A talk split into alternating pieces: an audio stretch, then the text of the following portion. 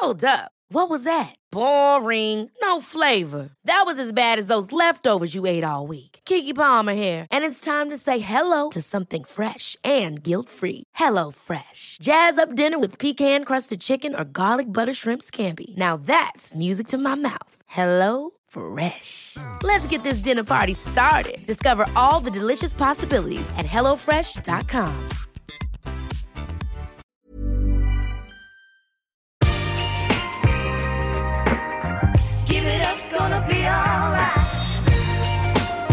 sant? Hvordan er det man skal starte en podkast? Det er det verste. Altså, hvordan i verden er det man skal starte? For man vet jo ikke, man bør være litt sånn Jeg tror kanskje det er forfengeligheten som, som prater sånn. Det må bli helt kongen nå, så ikke folk detter av. Uh, men jeg tenker jeg bare gjør det sånn som dette. jeg. Jeg tror kanskje dette var starten, Sigurd. Er det greit, eller? Nei, kan ikke du dra på skikkelig? Sånn, uh, sånn typ sånn Nå skal du ta alle introduksjoners mor. Det synes jeg, det hadde jeg kost meg med nå. Det er en kjempeutfordring, men det kan jeg godt gjøre. Eh, Det som er at Jeg har tenkt at du skal få lov til å introdusere deg selv på hvem du er. Men jeg kan jo si at av alle folka jeg skal ha i denne podkasten I overskuelig framtid så er det deg jeg gleder meg mest til. Og det må jeg bare si fordi at du har betydd så innmari mye for meg. Altså, jeg håper inderlig at folk setter av tid da, til å høre på denne episoden her sånn, fordi jeg er overbevist om at det, det du bringer til bordet, med fare for å legge stort press på deg nå, da, det er noe folk har nytte av å høre. Ikke fordi at det de hører i seg selv er så verdifullt, men fordi at hvis de bruker det du sier, så kan du skape den verdien som de har lyst til å skape. Ja, du god god, Øystein. Tusen takk for det, og det er veldig gjensidig. du, og det har, nå er jeg fornøyd. Det var mye bedre Ja. enn at jeg skulle tatt en sånn halv ja, hei, hei og godt jobba. Nei, tusen takk for det, og jeg, eh, jeg har gleda meg. Takk for at jeg får være med dere. Så kult, så kult. Og jeg tenker kanskje at um, før jeg starter vår reise, så spør jeg deg spørsmål som du stilte meg ganske tidlig. Eh, og det er hvem er du? Hvem er Sigurd Gramark? Eh, det er jo selvfølgelig et bra og, og legitimt spørsmål, men eh, Sigurd Ramark er hvis, du tar bort, hvis jeg får lov å bare ta bort pappa av det der først, så er jeg, jeg, en sånn kontinuerlig på jakt etter hvem Sigurd Ramark er. Så jeg, jeg kan si hvem jeg, er, hvem jeg tror jeg er akkurat nå, men eh, jeg, det, jeg føler en sånn Jeg kaller det jakten på X. Altså, Sigurd Ramark lurer nesten like mye på dette her som, som han som stiller spørsmålet nå. For det er det jeg har funnet ut mest, det er at jeg hele tiden er på jakt etter hvem er det jeg er, og hvem er det jeg kan bli. Og for meg så har ikke det noen sånn endestasjon, da. Så, men jeg er Sigurd Ramalk nå, og han som jeg er nå, det er en fyr som lever et jæsla bra liv på Edrum. Ganske sånn på fritida A4. Drømmehelga er hvis Mai sier det skjer ingenting. Uhu, da er livet kjempebra. Da kan jeg gå litt mine skiturer og kose meg med familien. To barn. Fantastiske Sara som eldst, og Boy, eller Mats Kramark, som er 04-er. Og øh, Mai, min vakre kone gjennom, øh, eller samboer og kone gjennom 32 år. og... Jobbe med å få treffe folk, jobbe med å både lære av folk, men også har en enormt interesse av å bidra til at andre flytter seg eh, noen steg. Det er det jeg gjør hver dag. Om det er i foredragsform eller til én, det, det varierer litt, men eh, that's me nå. Driver et firma som heter All In, og jeg tror jeg kan bære det firmanavnet med stolthet. Jeg er stort sett All In. Eh, Jeg, kan, jeg, bekrefter det, da. Og jeg tenker, så, Det er jo disse tingene jeg har lyst til å prate med deg om. Um, I denne podkasten har jeg med folk som jeg mener er helt konge. Uh, og jeg mener helt alvorlig at du er en av de som jeg mener er definitivt helt konge. Eh, og jeg tenker kanskje vi kan starte der, ja, fordi at du og jeg vi traff hverandre på det jeg husker som en litt sånn spesiell måte. Eh, da må jeg ta deg tilbake til, eller lytteren tilbake til 2014.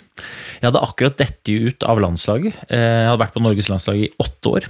Og så satt du plutselig i stua mi sammen med en samarbeidspartner. Hans samarbeidspartner hadde overtalt meg til å så komme hjem til meg sammen med en fyr som het Sigurd Gramark, som han trodde kunne være bra for meg. Og så husker jeg at jeg kom eh, tok imot dere. Jeg er jo eh, en åpen fyr, jeg. Og så husker jeg at jeg satt der i stua, og så så jeg på deg, og så sa vel du noe sånt som at eh, jeg bidrar mer enn gjerne. Og så svarte jeg med et spørsmål, og da sa jeg at eh, det er dritkult, jeg er villig til å ta sjansen, men hvis du tror på noe quick fix, så eh, må du dra hjem. Men hvis du har lyst til å jobbe, så er jeg gira. Husker du det? Ja, jeg, jeg husker det eh, veldig godt. Eh, og æres den som æres bør, for den samarbeidspartnerens navn Jeg tror ikke han blir fornærma hvis vi sier at det var Ted Allergodt. Æres den som æres bør. Hadde det ikke vært for Ted, så hadde vi aldri truffet hverandre, tror jeg. Ja, jeg husker det. Jeg husker også første gang vi var på mølla sammen. Det var rett etterpå, tror jeg, og da sa du ja, en som jobber med som, som, som, som løper. Det, da husker jeg ble veldig overraska. Du, du syntes det var så rart at jeg, jeg ble med deg på det. Så jeg skjønte at det var noe sånn at vi skulle jobbe på en, en måte som kanskje var uvant for begge. altså det starta i hvert fall en reise for meg. Da, og um, Jeg tenkte jeg kunne begynne der. Ja, da, for da um, Et av de første spørsmålene du var interessert i å finne ut, var jo da det jeg stilte deg. Hvem er det du er? Og så hadde du et oppfølgingsspørsmål på hvem er det du har lyst til å være? Hvem er det du vil være? Hvorfor begynte du der? Hva legger du i det? Og ikke nødvendigvis bare for meg, men hvorfor mener du at det er liksom en sånn fin inngang å starte på? Eh, Jeg skal prøve å svare på spørsmålet todelt. Eh, En av grunnene var at stort sett når jeg spurte deg om ting, så spurte du meg om det samme. Altså, eller hvem er du? Eller sånn, hadde jeg spurt deg hvem er du, så hadde du sagt hvem er du da? For du var så trent til å være opptatt av andre. Du var så eh, skrudd på i det å stille spørsmål og, og, og um, få andre til å snakke. Så jeg skjønte at her trenger vi at gutten begynner å svare på vegne av seg selv, og begynner å ha noen egne meninger.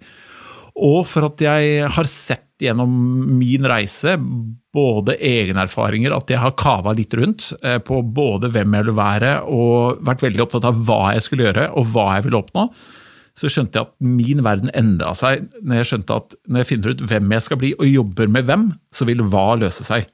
Og veldig mange jobber med hva-spørsmål, og hvem de blir, blir en konsekvens av noe de gjør over tid. Og så kanskje de ender opp med å bli en eller annen fyr eller en dame som de tenkte at ah, dette var ikke så bra. Så eh, jeg ville også ta deg ut av dette resultat- og prestasjonsfokuset, som blir sånn kvantitativt. Og hva, hva skal vi oppnå? Eh, Du har fått du, liksom, Holmenkollen gikk ikke som du ønska, du hadde falt ut av landslaget. Så for å få ut av hva, og begynne å få deg til å stille litt større spørsmål, og ufarliggjøre denne idretten litt, så begynte jeg der som jeg gjør med veldig mange, og som jeg tror alle som lytter på denne podkasten, mange av de har jo hørt deg nevne dette her tidligere også, er hvem vil du være? Og når jeg stilte deg det spørsmålet, da de som er gamle nok til å huske Petter Smartharten, da surra det ikke oppi der, altså.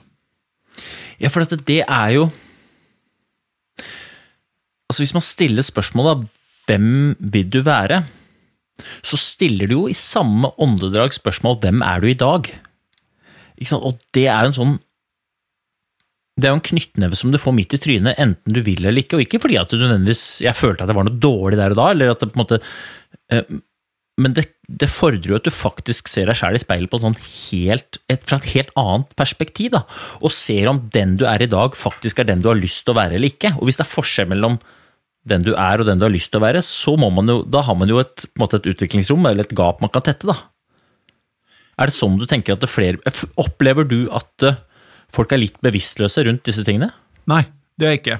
Eh, Men eh, jeg tror folk er bevisst på feil ting. Fordi når de ser seg i speilen, så egentlig, når de ser i speilen, så tror jeg Jeg skal ikke si at de gjør det, men jeg tror altfor mange ser etter hvem er det andre lurer på eller vil at jeg skal være. Så folk er bevisste på det, men vi prøver å oppfylle noe som omgivelsene ønsker at vi skal være. Hvem vil de at jeg skal være? Hvem ønsker sjefen min at jeg skal være på jobben? Hvem ønsker Mai at jeg skal være hjemme? Hvem ønsker venninna mi at jeg skal være når jeg kommer i dette middagsselskapet? Hvem ønsker, ikke sant? Istedenfor å si 'hvem vil jeg være'? Og Det er så nådeløst og brutalt og helt vesensforskjell, fordi folk er ikke så veldig opptatt av hvem du er. De er stort sett opptatt av det samme som deg. De lurer også på hvem, selv, hvem du vil at de skal være. Og hvis du, de egentlig ikke har noe klart bilde av faktisk hvem du er, eller hvordan du bør være, for folk tenker mye på det i sine egne ting, og de i hvert fall ikke har gitt det svaret til deg, dere har aldri fått avklart det, men du prøver å oppfylle et ønske av hvem du tror at andre vil at du skal være, da blir det slitsomt. ass. Da blir det kjempekrevende.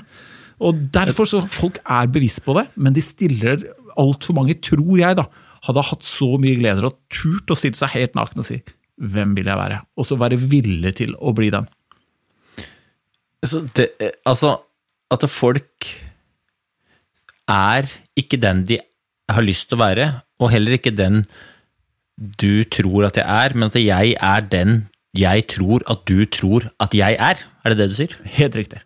Helt riktig. Og der, det er du god som klarer å holde den tankerekka. For jeg har tenkt så mye på det, og jeg har hørt andre, Jay Shetty og han Sadhguru og en del folk som er mer eh, eh, flinkere til dette her enn meg. Jeg, har, jeg har lest masse om dette, her, og det er det det er ikke noe norskt eller noe, noe sånn eh, vestlig. Eller det, det, er noe veldig veldig mange sliter med. Altså det, å, og, akseptere at det er ikke noe skam. Det er ikke noe sånn 'Å, du har ikke vært tjukk i huet', eller 'Har ikke jeg skjønt dette her'?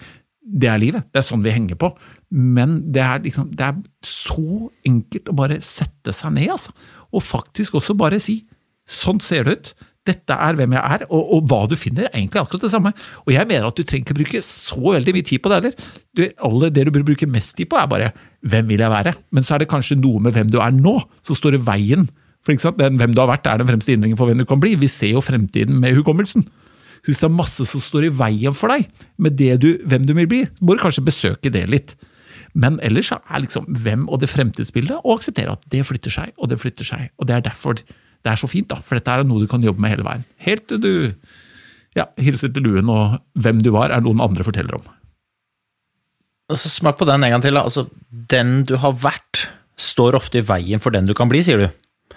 Altså, hvis de som lytter på, kjenner på det, da, så tror jeg veldig mange kan kjenne seg igjen i det. For eksempel hvis jeg, hadde, hvis jeg kom hjem en dag, og så sier jeg til kona mi at liksom Nei, nå, skal, nå er det noen nye greier her, liksom. Så blir jo jeg dømt eller fall, jeg er i hvert fall redd for mottagelsen, fordi min da kjære kone hun vil jo da sammenligne det jeg sier, med det jeg pleier å gjøre eller pleier å ha vært. Men hvorfor er det da sånn at vi driver en slags sånn selvsabotering rundt dette, hvis den vi sier vi har lyst til å være, faktisk er den vi har lyst til å være? Hvorfor er det da så vanskelig å give fatt på den greia? Har du tenkt på det? Fordi det er mye lettere å gjøre det du har altså, det aller enkleste det er å gjøre det du har gjort før. Eh, og, og, hvis du da stort sett har en, en altså det, Folk sier at folk, folk, går gjennom livet på autopilot. Ja, Det er kanskje det mest krevende du gjør. da. Fordi det, det er, det, Innerst inne så vet folk at akkurat sånn, så, sånn som det er nå, det, er, det, stemmer ikke helt. Det er et eller annet som, som, som mangler her. Ofte skal det gå utover kona eller kan gå utover jobben din, men det handler nesten alltid eller alltid om deg selv. da. Og eh, jeg, jeg tror at den eh, At det handler faktisk om at hvis du, hvis du bare våger å, å, å nakent og ærlig bare si den du vil bli, det, det, å tørre å rette fokuset mot det, så, så vil det andre her eh, eh, løse seg. Men du må også akseptere at hvem du har vært, det er også greit. For jeg har gjort ting jeg angrer på. Jeg har vært en fyr som jeg ikke er stolt av, både jobb og alt mulig rart. Gjort ting som men på et eller annet tidspunkt så må man liksom si at her stopper det. da. Det er liksom sånn som de som har vært på kurs, ikke sant? kommer tilbake på jobben, så første de ansatte sier 'har du vært på kurs nå?' Ikke sant? Ja, nei, men greit, da skal jeg ikke praktisere, da, for det blir så rart at du begynner med det. Men du bør begynne med det, da. Og det, og det gjelder privat, og det gjelder hjemme. Men folk står litt sånn i veien fordi ofte de som saboterer oss, er jo de som er mest glad i oss ikke sant? Fordi de, i det Øystein det drar av gårde, eller jeg drar av gårde, eller i det Mai, da, for å bruke eksempelet på en bedre måte, drar av gårde, så vil jo jeg holde henne tilbake. Fordi jeg ser jo mine mangler, jeg ser min dårlige samvittighet, jeg ser det jeg ikke har tatt tak i når Mai drar av gårde. Det gjør at ofte de som er mest glad i oss, står i veien for oss når vi skal prøve å bli noe annet. Og det er kjempegreit. Ingen gjør det for at de er dårlige personer, men vi gjør det helt ubevisst. Og det gjelder venner, og, og det gjelder de miljøene. så Derfor blir de vi omgir oss veldig viktig. Men også det å ryke strikken, det mentale strikkene til, til de som er rundt deg, er kjempeviktig. For folk holder oss tilbake. Helt ubevisst. Men er det fordi at vi ikke har kommunisert hva vi har lyst til å bli? At man bare endrer eller utvikler eller skifter retning på om det er atferd eller holdning eller ene eller andre, og så har man ikke på en måte inkludert og involvert de folka som man omgås i det, og så da ser de på ditt eh, retningsskifte som et sånt ikke kall det regelbrudd, for det er det jo ikke, men i hvert fall et skifte i atferd. Hva tror du? Det er i hvert fall spennende tankerekke. Jeg, jeg opplever jo det at hvis Litt tilbake til det du snakka om med å være den man tror at de rundt seg tror at du er, da. Det overlater jo innmari mye til spekulasjon. det, det er 100 mener jeg. Ja. For hvis man går rundt og spekulerer, så dømmer man jo andre, og seg selv også, bare på grunn av tro og på spekuleringer og på mm, Og hvis man da kanskje er i litt sånn negativ fase sjøl, så, så, spekulerer man fra et negativt synspunkt, og så blir alt feil, eller måte, at det blir sånn selvforsterkende effekt. Jeg vet ikke. To ting på eh, det. Jeg mener det, er derfor veldig mange sliter. Derfor veldig mange får den derre den der dårlige følelsen, og dette ble ikke helt som jeg hadde tenkt, fordi responsen hos andre blir ikke som du så for deg når du gjorde det du hadde tenkt, selv om responsen hos andre er ganske likegyldig hvis du gjør akkurat det du mente var riktig for deg. Eh, så da, da, slipper du å vurdere og tenke så mye på det.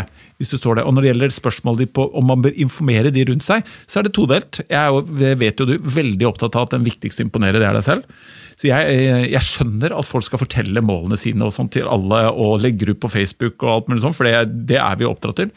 Men det er også noe fantastisk over å gjøre dette her som en egen indre reise. da, Når du bestemmer deg for at ok, dette starter jeg med. Men krever det litt større endringer, så er det nok lurt å informere partneren, eller de som du deler livet med. Men jeg tror vi skal være så rause med de rundt deg at det skjer noe med de når du drar av gårde. Det skjer noe med de når du setter deg tydelige nye mål. Det aller beste er om andre vil være med, men så er det heller ikke sånn at det, det er ikke viktig for de kanskje i det hele tatt, det du driver med. Sånn som Mai, hun kunne ikke brydd seg mindre om min reise, og at vi sitter her og spiller i podkast og blir så gode, og hvem vil du være? Altså, Slapp av litt da, gutter! Altså, dette går fint. ikke sant? Så jeg, Det er ikke så litt sånn flytte alt dette her over på alle. Du ikke sant? Du er jo sånn happy, skikkelig sånn inspirasjonsrik. og Jeg tror det er ganske mange som syns at jeg kan få litt nok av pølsa. Liksom, lag deg en god dag og er så jævla positiv hele tida. Noen av de er bare happy-go-lucky, og andre er det for at du pirker det litt. Du provoserer det litt, de irriterer det litt, for du treffer noe som irriterer dem. Men andre, med god, god også sikkert helt riktig, med god grunn, sier at 'jeg blir litt lei'. Der er du inne på noe spennende. Altså, og jeg vet jo For det første så vet jeg at jeg aldri er positiv hele tiden. Det vet du også. Men Og så vet jeg at det provoserer, men her er vi inne på noe spennende. For hvorfor er det sånn at vi gjør det til en straff å være den vi har lyst til å være? Hvorfor er det sånn at vi ser på selvutvikling og putter det i en bås som er sånn det orker jeg ikke. Hvorfor skal det være en straff? Hvorfor ser veldig mange på mitt mas om å lage gode dager som en straff? Ja, og det igjen blir hvem er vi? Hvem er vi som ser på det? Og jeg tror jo da det her har litt med perioder i livet, litt hvor vi er hen. Eh, noen, altså rett og slett Der også ser man den derre Du vet du burde, burde, burde, burde, tatt tak i det, da, de tingene. Og så er det også den der definisjonen Jeg tror også ofte at det er definisjonen på livsnytere, hvis du tar det. Det, er gjerne rødvin, litt late morgener, sene kvelder, alt mulig sånt. Mens for andre, så, så som jeg så knapt nok drikker, og sånn, så er det å nyte livet helt andre ting. Så, men så tror jeg altså For meg er det greit at noen ser det sånn. òg. Fordi vi er, vi er så forskjellige. Men, men, det er ikke greit at de blir litt sånn oppgitt over det hvis de gjør det for at de ikke har tenkt over sitt eget liv. Hvis det bare er for at du trigger noe i det de burde ta tak i, da er det en kjempefin sånn spire. Nå høres sannsynligvis ikke på den her, da, for de har bare blitt så drittlei av dette positive jabbinga hver uke liksom, i den podkasten. Men hvis de hører, hvis det er for at de er noe de burde ta tak i, så håper jeg at du fortsetter. Så kanskje til slutt så treffer du en nerve. For du vet jo det slitte uttrykket at når eleven er klar, dukker læreren opp. Men fram til det så er den bare irriterende. Men plutselig så hører man jo hva man sier. Ja, og det Jeg, jeg føler jo altså Hvis man vil eh, drikke rødvin eh, og, og kose seg og slappe av, og er det bevisst, så er ikke det per definisjon å lage en god dag, da? Og hvem er vi, eller jeg, til å definere hva en god dag er for hver enkelt? Jeg mener jo bare at mekanismene bak det å få det sånn som man vil ha det, er like. Og så er det opp til hver en og enkelt å måtte definere hvordan de har lyst til å ha det. Da. Men det begynner jo med det der spørsmålet hvem er det jeg har lyst til å være? Hvordan er det jeg har lyst til å håndtere hverdagen? Hva er det jeg kan gjøre med de tingene jeg står i? Ja, og det, det, tror jeg er riktig. fordi den, Når det går over til motivasjon, altså hvem i hvem, så ligger jo eh, hvorfor er jeg som jeg er, og hvorfor må jeg eh, eventuelt endre meg. Og Da får du jo den eh, motiv i ordet motivasjon. ikke sant? Altså hvorfor gjør jeg som jeg gjør? Og det svaret bør nok flere i hvert fall ta. Hvorfor er eh, eh, jeg som jeg er? Det ligger jo i det hvem-spørsmålet. Fordi Der tror jeg du er inne på noe veldig viktig. Eh, etter å ha jobba med tusenvis av mennesker og ledere og alt gjennom de siste ti årene, da, så har jeg jo lagt merke til det finurlige med at hvis jeg spør folk hva som demotiverer motiverer de, holy cow, de kan svare. ass. Det er, det er de utroligste ting hva som demotiverer de. Men veit du hva de svarer når jeg spør de, men hva motiverer deg, da? Vet du hva de fleste svarer? Det første ordet de sier da? Nei. Så ser de opp til venstre. Nei. Det har de ikke tenkt så mye over. Ikke sant? Og da begynner det å bli vanskelig, for da begynner det å bli sånn helt sånn grunnleggende Vi vet, altså Det er samme som når ting går på tvers av verdiene dine. Du kjenner det, du merker det, det irriterer deg. Du kjenner at dette her er ikke riktig. Men hvis du spør hva er verdiene dine, det slik, Dette har jo du skrevet om i hele kongeboka di, men eh, det er samme er det med motivasjon. Folk vet som regel hva som demotiverer de, og ikke skikkelig hva som fyrer og driver de. Og de spørsmålene får du hvis du tar og borer videre. Hvem er det vil være? Hvorfor? Ok, da får jeg motivet mitt. Hva asjon betyr, det kan du bare drite i. Det, det er ikke viktig ord motivasjon. Men da får du hvorforet ditt, og da begynner du å si ok, dette er det som driver meg. Dette er det grunnleggende som kan få meg i gang. Og da kan det virkelig den utroligste si at jeg er klar, jeg. Men så er det ganske mange som ikke bruker tida si til å lese selvhjelpsbøker og virkelig setter seg og tar tida. Altså, Jeg har sagt det før, vi menn bruker mer tid på hvordan vi skal eh, lage tomatsuppe med makaroni, for hvor lenge skal makaronien koke, liksom, enn å lage en oppskrift på livet vårt. Men vi må starte et sted. Altså, her Jeg er jo helt enig med deg, fordi at um, jeg ser på motivasjon uh, I hvert fall litt annerledes enn teorien. Jeg ser på motivasjon som en en konsekvens av å gjøre jobben, mer enn som en faktor for å starte. Eh, og så jeg på motivasjon og kjenner på motivasjon som en følelse. ikke sant? De folka som er demotivert, de kjenner det på kroppen. Og de folka som er motivert, de kjenner det på kroppen. Det er en følelse. Og jeg er jo ikke så opptatt av hva er det som er, gjør deg umotivert, men jeg er jo opptatt av å finne hva er det du må gjøre for å bli motivert. Altså hvilke handlinger gjorde du for å skape de følelsene du hadde når du sist var motivert? Lage en god dag er jo egentlig det. Kokt ned i én setning. Hva er det du må gjøre for at dagen blir god? Og når du har gode dager, så mener jeg at du heller bensin ned i det bålet du har i ryggen, hvor motivasjon blant annet fyres. Da. Jeg mener at uh, nysgjerrighet, glede, mestring, mening, alle disse tingene fyres i det å lage dagene gode. Så hvis du hadde spurt meg hva jeg blir motivert av, så svarer jeg å gjøre det jeg har bestemt meg for å gjøre, på den måten jeg har bestemt meg for å gjøre det skikkelig. Det blir jeg motivert av. Og jeg lar meg også overraske over, sånn som du sier, at folk ikke vet hva det er som gjør at de blir motivert. Eller når jeg sier spørsmål når følte du deg sist helt konge? Vet ikke. Oppfølgingsspørsmålet er jo hva gjorde du for å få den følelsen. Og det er bare for å komme ned på essensen. Og det er, det er jo det verdispørsmålet du kommer tilbake igjen hver eneste gang. da. Ja, det er det. Men hvis du, hvis du går tilbake til han gutten i 2014, da, og hadde stilt han disse spørsmålene For Faren er jo når du begynner å overraske deg. Fordi du, Hvis du snakker om ting som interesserer deg, ikke sant? så til slutt mm. så blir det som interesserer deg, og det du er opptatt av, og det du snakker om, like overraskende som at uh, du, du, ser noen som ikke kan gå på langrennsski i Holmenkollen. Altså det blir sånn, eh, Jeg gjør det hele tiden. Det naturligste ting er å ha trykket riktig og vektoverføring og hofta fram. og liksom Du bare gjør det. Jeg går bare på ski. For andre er det å knekke koden på å gå på langrenn kjempevanskelig. Så hvis jeg hadde spurt han gutten i sofaen eh, på, i Nittedal i 2014 disse spørsmålene, da, hva hadde han svart? Nja Og så hadde han sett opp til venstre. Sannsynligvis. Eh, der er du drita god, da. Um, men det er derfor jeg tenker det er så viktig å ha sånne prater hvor man kan på en måte få brutt ned ting som jeg tror alle sammen baler litt med, men som egentlig ikke er så vanskelig. La meg stille et spørsmål. Føler Du jobber med folk. Du jobber med folk, du jobber med utvikling, du jobber med å skape prestasjoner som eh, i hvert fall vår erfaring er at gode prestasjoner over tid leder til fantastiske resultater. Det er eh, sitat Sigurd Grammark.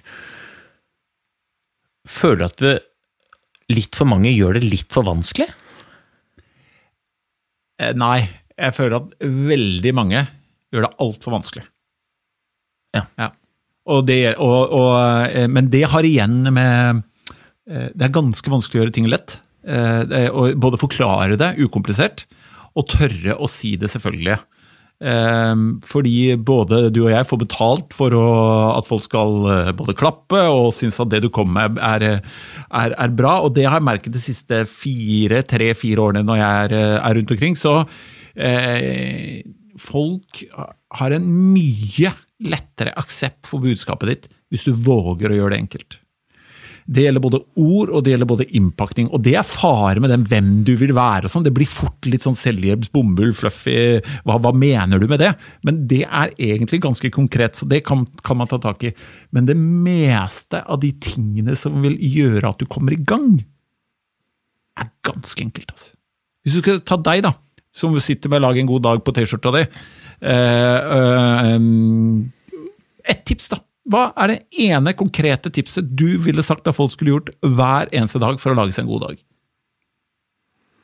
Bestemme hva en god dag innebærer. Altså, du må vite hva en god dag skal være. Altså, hva, hvordan er det en god dag ser ut, og hva er det du kan gjøre for å få den dagen sånn som det skal være.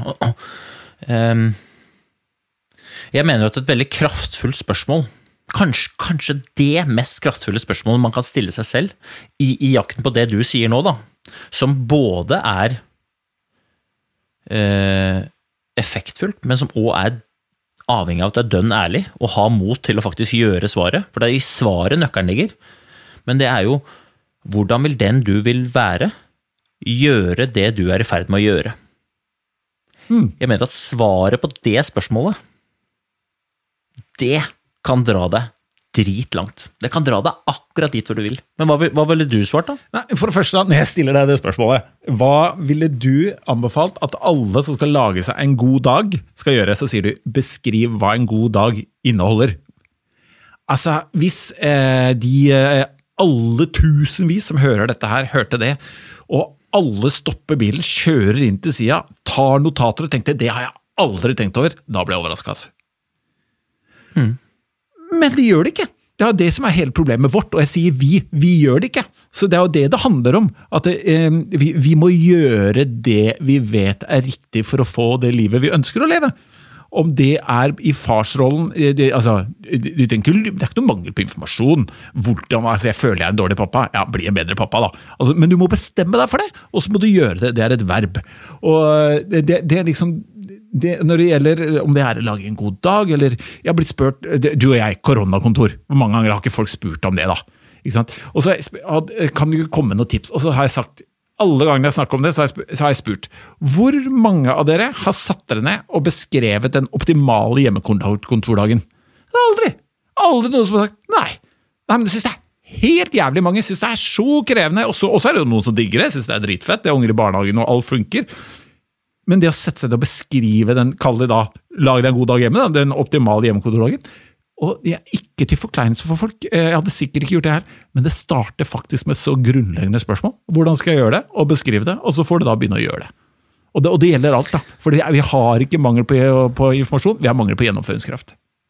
Ja, det der er, det der er altså så gøy, fordi jeg, jeg ofte blir, blir spurt om å fortelle forskjellen, hva jeg mener er forskjellen på kunnskap og kompetanse. Og det er jo akkurat det. Jeg mener at kompetanse det er når du bruker den kunnskapen du sitter på, og faktisk gjør noe med den.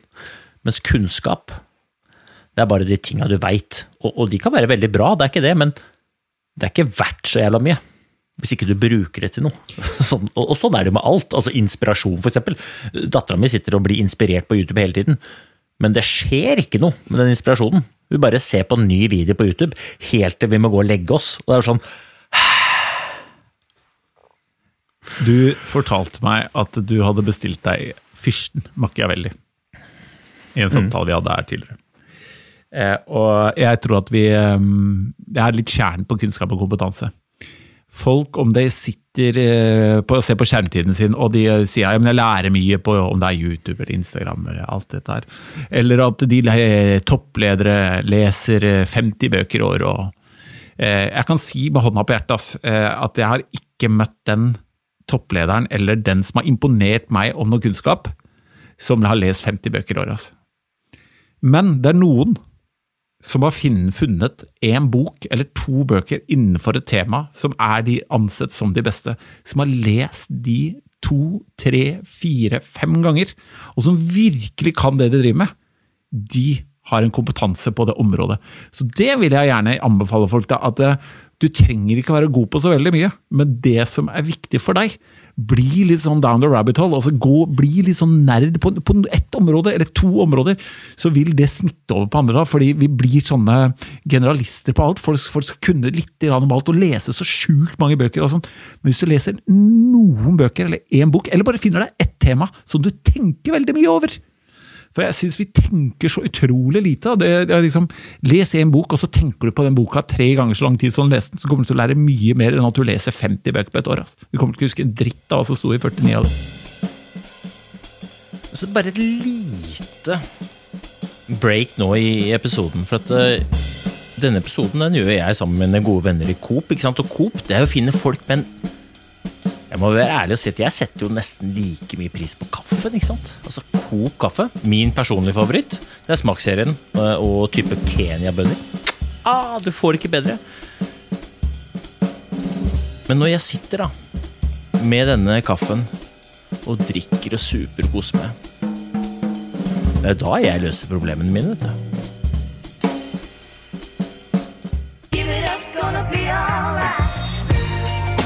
Husker du utfordre meg da på å sette ned eh, suksessfaktorene mine. Hva er det du skal bruke tid, energi og ressurser på? Sette opp de tre viktigste tingene. Eh, og det det gjorde med meg, var jo at jeg da fikk et veldig klart forhold til hva jeg skal bruke tid på, og hva jeg ikke skal bruke tid på. Og litt lenger ned i løypa så så, så, så jeg jo det at eh, nå gjorde jeg innmari mye av de tre tingene som jeg definerte som viktig. Det var jo da På den tiden så var det tid til familie, tid til trening og tid til å hvile. Da gjorde jeg dritmye av det, da. Istedenfor sånn som jeg jobba før jeg traff deg. For da, jeg, da gjorde jeg det motsatte. Da gjorde jeg litt av innmari mye. Og det er jo bare oppskriften på å bli sliten. Og det er jo litt det du beskriver der nå. ikke sant? Den der, vi går rundt og så gaper over veldig mye. Den fear of missing out regjerer i alle krikker og kroker. Og så ender man opp sliten. Istedenfor de folka som bare snur den pila, og heller gjør innmari mye av de tingene som de faktisk bryr seg om. Ja, og Der beskriver du jo forskjell på gjennomføringsevne og gjennomføringskraft. For mennesket og den gjennomsnittlige nordmann som lytter til dette, her, den har en enorm gjennomføringsevne. Altså. Folk er ikke late, syns jeg. Jeg syns folk står i mye, står på mye og prøver å gjøre sitt beste i hamsterhjulet. Det er gjennomføringsevnen. Gjennomføringskraft, de du møter som klarer, som i hvert fall jeg mener jeg har sett trekk ved, av de som klarer å skape et liv som de liker, eller noen resultater som de er stolte av, de har en gjennomføringskraft, eller de gjør mye av de tingene som påvirker livet deres, eller resultatet de ønsker å oppnå, i riktig retning. Og da har du det så det du gjør mest av, har en påvirkningskraft på det du ønsker å oppnå. Mens gjennomføringsevne er at du gjør alt som kommer din vei, uten å vite det, hvor du havner enn ved å gjøre det. Helt forskjell. Blir mye mindre sliten, mye mer stolt. Føler at du utvikler deg, føler at livet er på vei et sted. Konsekvensen er at du er motivert og du lager en god dag. da. Mm. Jeg, kjenner, jeg, tror folk kan kjenne seg igjen. Jeg kjenner meg veldig godt igjen sjøl. Jeg husker jeg, jeg, hadde en følelse at jeg jobba litt overalt, men ikke strakt inn noen steder. Om det var i skiløypa, om det var som pappa, som ektemann, eller som alt annet jeg holdt på med. Og så med en gang jeg fikk snudd det fokuset til å bare bruke de tid på det jeg virkelig brydde meg om, så følte jeg strakt til på de tingene som var viktige for meg, og alle andre arenaer var jeg ikke til stede på, så det var liksom ikke noe å, å tenke på, da. Men um, Den reisen du og jeg hadde, og det du jobber med, det er jo utvikling. Det er jo det som Du sier jo det at liksom det du trigges av, er jo utvikling. Um, og i utviklingsbegrepet så ligger det jo et premiss om å prøve og feile tørre å være litt dårlig i jakten på å bli bedre.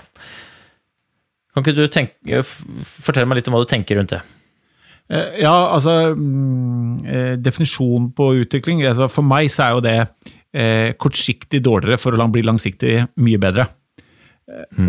Og det gjelder jo, dette kjenner jo du til, i overgangen fra når du gikk fra en type langrenn til langløp, og at når du bare skal gjøre én ting, så, så, krever det at i kortsiktig vil du prestere dårligere for å bli bedre, bedre senere. Eh, og det, Da kommer forfengeligheten som vi har snakket inn, at det å, å, å klare å, i jobb eller andre ting da, faktisk gjøre ting du, som du vet at dette er kortsiktig, kunne jeg gjort det bedre, men for at det skal lykkes langsiktig, så må jeg faktisk være villig til å stå litt i det og, og lære å bli bedre senere. Og det er, det, det er en kjempekrevende reise. Men for meg så er jo utvikling faktisk eh, eller gjennomføring da, og utvikling og det å stå i det. Altså det å faktisk orke det og gjøre det. Eh, sønnen min på 17 har masse spørsmål om dagen som er kjempespennende. Noen av dem som jeg tenker at den må jeg komme tilbake til det til, fordi de tenker og spinner mye i den alderen. Men da jeg fortalte han at hvis jeg, fordi ting økonomisk har gått fint, gått bra, vi er jo uforskamma godt betalt den timen man reiser rundt og snakker da, men jeg, da jeg sa til han at om jeg ikke hadde fått pengene, men hadde klart meg allikevel, så hadde jeg gjort akkurat det samme igjen. Det er jo selve beviset på utvikling. Og, og det er jeg dønn ærlig på. Jeg elsker å, jeg syns det er gøy å sende faktura og alt mulig sånt, men, men for meg så er den derre det, det, er en sånn enorm tilfredsstillelse da, å, å, våge å feile, å våge å gjøre ting, og, å våge å stå i det og nerde litt på det, kjenne på det, lese enda mer, gå rundt med bikkja og føle at du, du har en sånn Jeg føler ofte at det jeg driver med, er min lille hemmelighet i livet, og jeg ønsker flere hadde den lille hemmeligheten. Fordi at, at, dette her har de ikke tenkt på, tenker jeg. liksom. Eller hvorfor har de ikke tenkt sånn? Eller så, så, sjekker jeg litt, og så gleder jeg meg til å gå ut og høre den biten av podkast en gang til, fordi jeg lurer på disse tingene. Jeg ønsker flere hadde en sånn regi i sitt eget liv. Jeg kaller det sånn livsdesign. da, At når de er med og designer livet sitt, så idet du skjønner at utvikling er, egentlig er å designe ditt eget liv, så blir ting så sjukt spennende. Fordi du kan endre ting, og det er nesten sånn et puslespill uten eh, faste brikker. Tenk, Den brikka her, hvordan skal den se ut, hva er det jeg må legge inn der? Så, og det er så enormt mye nærmere folk enn, enn det de tror, da. For det er bare idet du begynner, så kjenner du at shit, nå, nå, nå, nå, designer jeg litt her. Og jeg utfordrer folk til å designe sitt eget liv, altså. Jeg, jeg husker at eh, polletten datt ned hos meg, da når vi trente på å se på den hverdagen vi sto i, fra et annet perspektiv, uten at du ble tvunget til det. For veldig ofte så er jo utvikling veldig lett når man blir tvunget til det. Folk slutter å røyke når de får kols, folk begynner å ta vare på helsa si når de får et hjerteinfarkt. Man overlever den nestenkrisen, og så tar man et retningsskifte. Men utvikling uten å bli tvunget til det, Polletten datt ned hos meg når vi begynte å trene på å se på Nå var det innenfor langrenn, da, men se på mulighetene hverdagen faktisk tilbød oss, uten å bli tvunget til. Jeg husker at vi eh, hvis, eh, Jeg skulle gå eh, Holmenkollmarsjen 2015. Noe av det aller feteste jeg har gjort. Ikke fordi jeg bryr meg noen verdens ting om resultatet i Holmenkollmarsjen. Man vinner en kvist og tar eh, bussen hjem igjen. men jeg sto på start der og skulle gå på blanke ski mot verdenseliten. Det var to uker før VM i Falun. Sundby og hele gjengen sto der og var jo klare for å, å hanke inn gull. Og så sto vi på start der. Jeg sto på blanke ski, de andre hadde feste. Men jeg sto på start der og hadde lest den løypa med helt andre øyne enn resten, for der hvor alle så hvor jeg kom til å slite, så hadde jo du og jeg jobba med hvor de andre kommer til å slite. For det er veldig opplest å vite at hvis du steller deg på start i et skirenn med blanke ski, så tenker alle at han kommer til å få det tungt oppover. Men du trigga jo meg til å være litt sånn leken på er det, Hvor er det du kommer til å tjene? Hvor er det du skal vinne det rennet sånn? Så jeg husker at jeg så på alle slettene som en mulighet til å gi de andre en knyttneve midt i trynet. Og sånn kan man egentlig se på hverdagen også men, men da, da, driver man med utvikling. Hvis man tør å se på hver, den samme løypa som alle andre, samme dagen, men fra et annet perspektiv. Løypa begynner jo på L, livet begynner på L. Livet er ikke mer enn det du ser det som, og den løypa er ikke noe mer enn det du ser det som. Vi ble enige om at eh, dette husker du bedre enn meg, er det 17-18-19-20 km? Det er en sånn lang, lang bakke hvor vi er på, kall det på toppen? Nei, eh, ja, altså, Bakken begynner jo etter 5-6 km. Ja. Og da sa vi hvis vi går som at det er mål, og du later som du ikke er helt død på toppen, så vet jo folk eh, da, da det, er, det er noe gærent. Du skal ikke være der da. Da skal du egentlig begynne å ta igjen de. Da skal du ligge der. Jeg husker jeg satt utenfor, utenfor eh, Sunnfjord, eh, Sundvolden hotell og skulle holde foredrag. Satt på en sånn app. Måtte jeg gå inn til jeg så at du, du lå sammen med teten på toppen. og jeg tenkte dette går fint. Men faktisk da husker jeg at jeg vurderte deg ikke ut fra resultatet, men at du hadde mot til å prøve å gå til toppen. Og, øh, og være med på toppen. Så etterpå, etter foredraget så så jeg at du, du vant Holmenkollmarsjen på den måten. Og det tror jeg folk er litt harde til å bedømme seg etter øh, resultatene de klarer å oppnå, i stedet for atferd. Fordi jeg var stolt og var egentlig mer fornøyd med prosjektet vårt når jeg så at du var med på det vi ble enige om. Du turte å prøve å gå til toppen. Og Det hadde ikke vært noe mindre suksess for meg så lenge du våget og hadde mot til å gå. Og Det tror jeg folk trenger. Det lille motet til eh, se på livet ditt og start og prøv, og ros deg selv for skrittene du tar. For eh, resultatene, altså Hva er resultatet? Resultatet er egentlig at du våger, og at du prøver, og at du har mot til å prøve en atferd som ligner mye mer på det livet du vil ha da. Jeg husker i hvert fall at jeg følte jeg hadde lyktes før startskuddet gikk, fordi jeg visste at når starteren starter dette rennet, så skal jeg gjøre noe som ingen andre tør å prøve på. Og jeg dreiv med utvikling i det rennet, men de andre opplevde det som endring. Og det syns jeg er jævlig gøy, for det er to forskjellige ting, da. Um, og i det rennet så, så dukka det opp et begrep som jeg bruker fortsatt. Fuck it. Kan ikke du uh, bryte ned fuck it? det, det, fuck it handler jo stort sett om at um, verden er altså, For det første, det vi langrenn, eller det de meste av oss driver med, er fullstendig uviktig. Eh, Det er noen ting i livet som er de som ligner på deg, og helsa di, og litt sånn, som er viktig, og det meste andre er bare staffasje og morsomt. Og med fuck it, så er det, det er noe sånn det, Jeg tror det var du som begynte å si, bare eh, helt tilfeldig, så begynte jeg å plukke opp at du sa fuck it. Og eh, fuck it er rett og slett at uh, vi prøver, vi måler oss ikke ut fra resultater, men vi gjør det. Fuck it er vi går, og så er vi, vi måler oss 100 ut fra at fuck it, vi gjør det. Og hva det fører til, det er egentlig litt underordna. Bare for meg så er det at fuck it er at du gjør det, og det er dritbra. Hvordan det går, det får vi se etterpå. Jeg håper at vi vinner, men gjør vi ikke det, så har vi i hvert fall hatt mot til å prøve. Når du sier det, da, så lurer jeg på liksom, Det er veldig stuereint å ha laget en god dag på genseren sin. Neste genser vi trykker opp, eh, Sigurd, der skal det stå fuck it på. Ja, helt enig. Men budskapet er akkurat det samme som i Lag en god dag. Ja, Det er akkurat det samme. Det er så befriende. For meg er det utrolig befriende. Og vi sa, husker vi snakka om det når du skulle inn på Mesternes også. Litt sånn drit i om det er en million som ser på det. Fuck it, bare gå for det, liksom. Og kos deg. Og, og jeg tror det gjelder mye, da. Jeg, eh, jeg tar meg selv i det. Jeg blir noen ganger for alvorlig, for selvhøytidelig. Jeg kan ikke gå en tur uten at det skal læres noe, eller være en podkast fra den og den eh, ph.d.-en, eller altså eh, For meg også noen ganger med livet er det kanskje det beste jeg kan si til meg sjøl, er fuck it. I forhold til å slappe av litt, da. Dette her er ikke så alvorlig, Sigurd. For min del også, når det gjelder bare rett og slett hvordan, eh, hvordan dager jeg bør ha. For meg er faktisk det å lage en god dag ganske ofte og kanskje starte på morgenen og si fuck ta det litt rolig. Dette er bare en eh, helt nydelig, rolig dag. Du trenger ikke gjøre noen ting annet enn å kose deg med familien, liksom. Så det går mange veier, da. Men, men tror du at man kan si det uten en klar retning? Uten en klar plan på hva man skal gjøre, og så si jeg, For jeg opplever jo at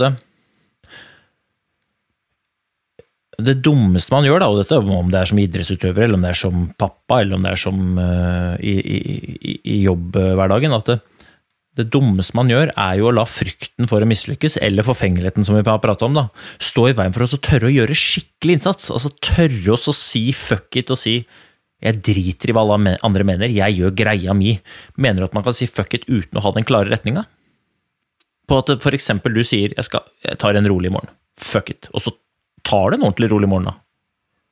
Ja, og da tar jeg bare en, en, en rolig morgen. Jeg, når det gjelder spørsmålet, første delen av det, når det gjelder det uten å ha et tydelig mål, jeg er glad i mål, da. Eh, eh, både for en retning, sånn som eh, i livet med Mai, da. Så det er jo viktig for oss å ha noen tanker om fremtiden fremover, og felles retning, da. I, eh, både privat eh, med, med henne, og så har jeg noen mål som jeg ønsker å oppnå i jobben og helsa mi og sånn. Men så jeg tror for mange så eh, er det vanskelig å, å starte med det, men for meg så det gjelder det å, å, å si fuck it, så tror jeg liksom Når det gjelder det å starte, så tror jeg fuck it, bare begynn, liksom. Bare, bare begynn, med et eller annet, og du om det passer. da. Om det er klokkereint innafor målet. Jeg tror veldig mange, Du ser når folk er på luksusfell. De får jo lavere puls, bare han øh, øh, Han økonomen, Hallgeir et eller annet, et eller annet, kommer inn, liksom. For det, ok, nå begynner vi. Og det, det er liksom sånn med om du skal, Uansett hva du skal gjøre, bare, bare start. Jeg, jeg, er ikke så opptatt om handlingen er riktig, eller om, man, om, om du har satt deg spesifikt det målet. Men hvis du starter, og hvis du da begynner å ta litt sånne hvem-spørsmål og føle seg riktig Jeg tror det aller viktigste for folk, det er bare å starte. Hva de starter med, jeg tror ikke de begynner å eh, Hvis du har lyst til å bli god til å strikke genser, at du begynner med å benkpresse, liksom. Jeg tror folk skjønner det selv. Så bare, liksom, bare, bare begynn! For mange handler det bare om å begynne, og også det. Hvis du ikke er klar, ikke føler at dette har jeg ikke noe lyst til, så ikke begynn. Det her er litt sånn timing-greie. Da får du bare vente litt, kjenne litt på det, og så gjøre det når du er klar. Men, men at man bør, bør, ta tak i litt for, for, sin egen del og hvor man står i livet, det er jeg ganske sikker på. Altså. Men det trenger ikke ha noe med karriere eller penger eller vekt eller noe sånt. Det kan være det minste ting du kan starte med som du bare har utsatt. Jeg hadde jo da en um, en opplevelse her i høst hvor jeg holdt på å miste livet. Eh, og jeg kan i hvert fall følge opp det du sier, da, med at uh, hvis du befinner deg i et ambulansehelikopter og ikke har tatt tak i de tingene som du veit innerst inne at du burde ha tatt tak i, så kommer du til å angre. Og dette er igjen tilbake til det vi snakka om i stad, det er jo ikke mangel på kunnskap, for dette veit vi jo. Dette er jo klisjeer som vi sier hele tiden. Eh, grip dagen, lev i nuet, ja, vi får gjøre så godt vi kan, ikke sant, de greiene der. Men problemet er jo, som vi òg har snakka om, at vi ikke gjør det. Vi bare sier det, og hver gang vi sier det uten å gjøre det, så tapper du jo for verdi. Men skal love deg at det Sigurd nettopp sa, er dritviktig, selv om det er en klisjé, selv om det er en floskel. Mm. For det er jo det det dreier seg om. Eh, vi må snart gå inn for landing. Mm. Jeg vet at du har definert suksess som mening. Å oh ja, ja. Det, det stemmer. Og det, det, jeg husker du spurte meg om det. Og um, jeg hadde en tanke om at det kanskje kom igjen her. Og jeg har lyst til å legge til to ord. Ja, få høre. For meg. Ja mening for kan, kan, du ikke forklare det? For at vi lever i et samfunn hvor suksess handler om, eh, i hvert fall slik jeg oppfatter det, prestisje, titler, tomler opp og bilder du legger ut, antall medaljer du har i skapet, eh, hvilke bil du kjører. Kan du ikke forklare hvorfor du definerer suksess som mening for deg, eller meg, da? Um, jeg er jo veldig lite aktiv på sosiale medier. Jeg er veldig lite fortellende eh, til venner og bekjente og eh, andre egentlig med ting jeg gjør eller får til. eller. Og Det er ikke for at jeg er noe introvert eller at jeg ikke har noe behov for noe anerkjennelse, men jeg kjenner så enorm mening når jeg får til ting, for at jeg gjør det så innmari for min egen del og familien sin del.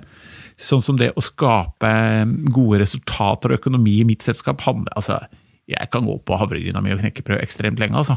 Men det gir så enormt mening for Sara og Boy og Mai og meg og vår fremtid. Der gir økonomi meg en veldig mening. Fordi det er et verktøy for noe vi ønsker å skape, eller et middel for noe vi ønsker å skape. Når det gjelder det å om jeg, jeg, trenger ikke, men jeg, jeg, kan få tilbakemelding på en jobb vi gjør, eller folk jeg snakker med, eller om det er den podkasten, eller ting du sier til meg, da det gir mening for meg. Det holder ikke at det er meningsfylt, sånn at folk sier at det høres meningsfylt ut, hvis det ikke er det for meg. Jeg har slutta, jeg gjør ekstremt uh, lite av det ting eh, mener at jeg må gjøre for å få suksess. Jeg, jeg, altså, der sier jeg fuck it, altså. Det er sorry, Mac, men uh, det gir ikke mening for meg. Hva du mener er suksess, det er helt fint, men den applausen den må dere gjerne få.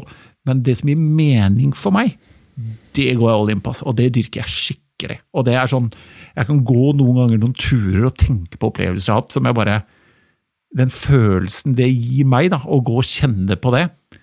Og det, kan, det, trenger ikke alltid være at jeg har vært så hjulpet andre, eller det trenger ikke noen ganger bare rett og slett Jeg bare kjenner at dette gir mening, Sigurd.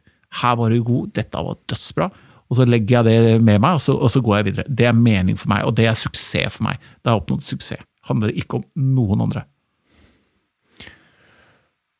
Hos meg da, så er suksess følelse. Og jeg mener at det er mange følelser, men sammenfatta i to ord, så mener jeg at suksess føles helt konge. Og for meg, Sigurd, så er du helt konge. Tusen takk for at du gadd å bruke tida di på å prate med oss. Det setter jeg stor pris på. Takk. Og like måte, Øystein.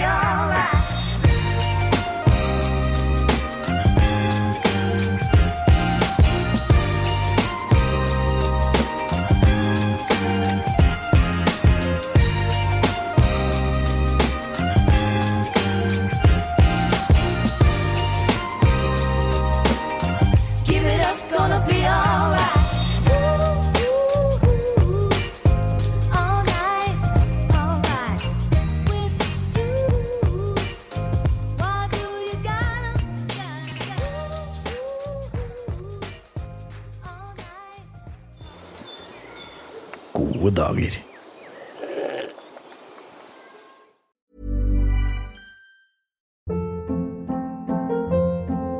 Hold up. What was that? Boring. No flavor. That was as bad as those leftovers you ate all week. Kiki Palmer here, and it's time to say hello to something fresh and guilt-free. Hello Fresh. Jazz up dinner with pecan-crusted chicken or garlic butter shrimp scampi. Now that's music to my mouth. Hello Fresh. Let's get this dinner party started. Discover all the delicious possibilities at hellofresh.com.